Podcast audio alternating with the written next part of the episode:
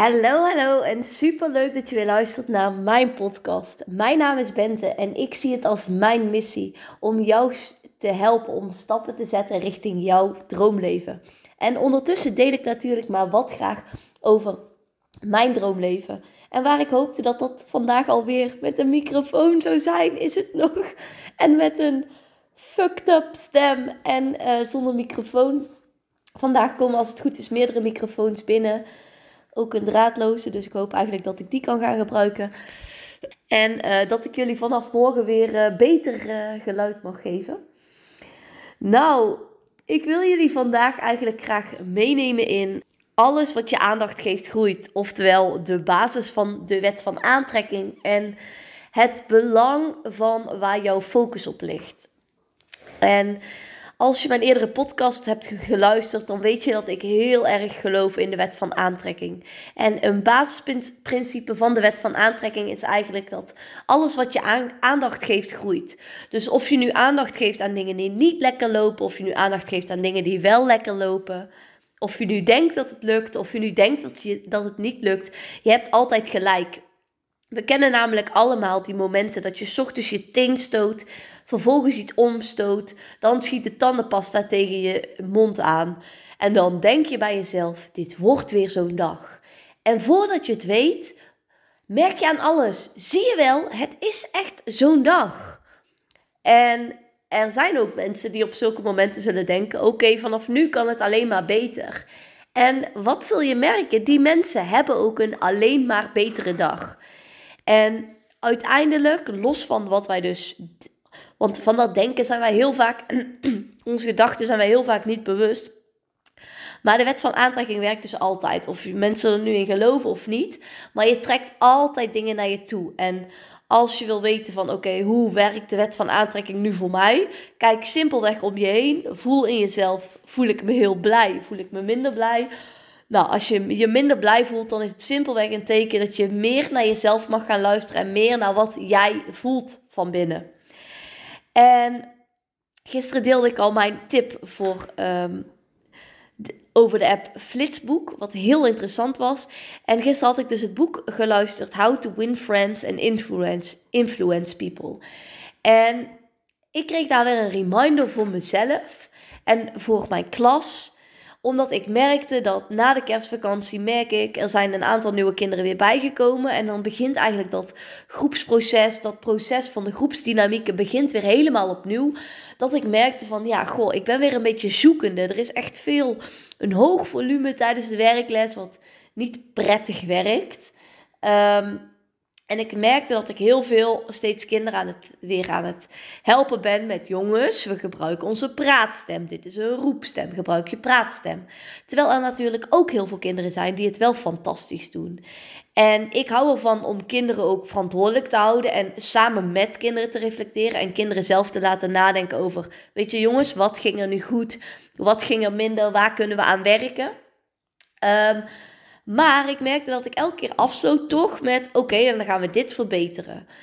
En toen dacht ik: een van die dingen was: heb, heb hoge verwachtingen.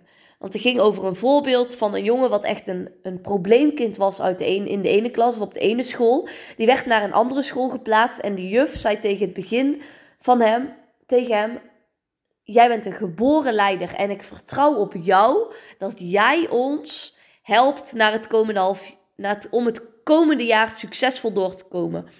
Het is ook een mega verantwoordelijkheid, maar doordat zij zulke hoge, zo, zulke hoge eisen van hem, aan hem stelde, zulke hoge verwachtingen voor hem had, kon hij ook in die rol stappen en verdween al snel zijn gedrag naar de achtergrond.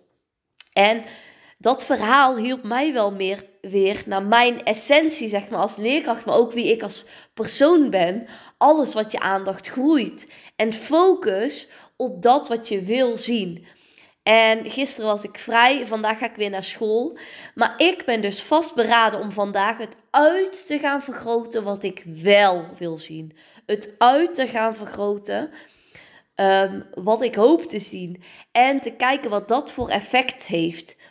En zo ben ik gisteren dus ook zelf begonnen. Wat wil ik wel zien? Ik ben weer begonnen met, ik heb een glitterboekje gekocht. gisteravond begonnen met opschrijven. Waar ben ik dankbaar voor? Weet je, wat wil ik juist meer? En vanochtend heb ik dat ook gedaan. En dan besef ik me weer, er zijn zo fucking veel dingen om dankbaar voor te zijn. Het zijn al die kleine dingen die samen je leven fantastisch maken.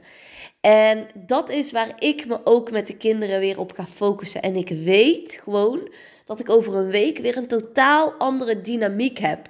En dat, kun je, dat begint allemaal bij jezelf. Of het nu gaat om de dynamiek in je relatie, in je gezin, in je huis, in, tussen je vrienden, in een groep, op je werk, wat het dan ook is. Het begint allemaal bij jezelf. En jij hebt zelf alleen invloed op jezelf. Maar doordat jij invloed hebt op jezelf, heb jij vervolgens weer invloed op alles om je heen. En als je die verantwoordelijkheid weer kunt pakken, dan kun je zoveel, zoveel doen. Kun je zoveel veranderen. En vooral ook in jouw eigen wereld. En dan plant jij zaadjes. En die zaadjes zijn er voor mensen om te ontkiemen, om naar te kijken, om te aanschouwen. Om er vervolgens misschien iets mee te doen, misschien ook niet. Dat is niet aan jou.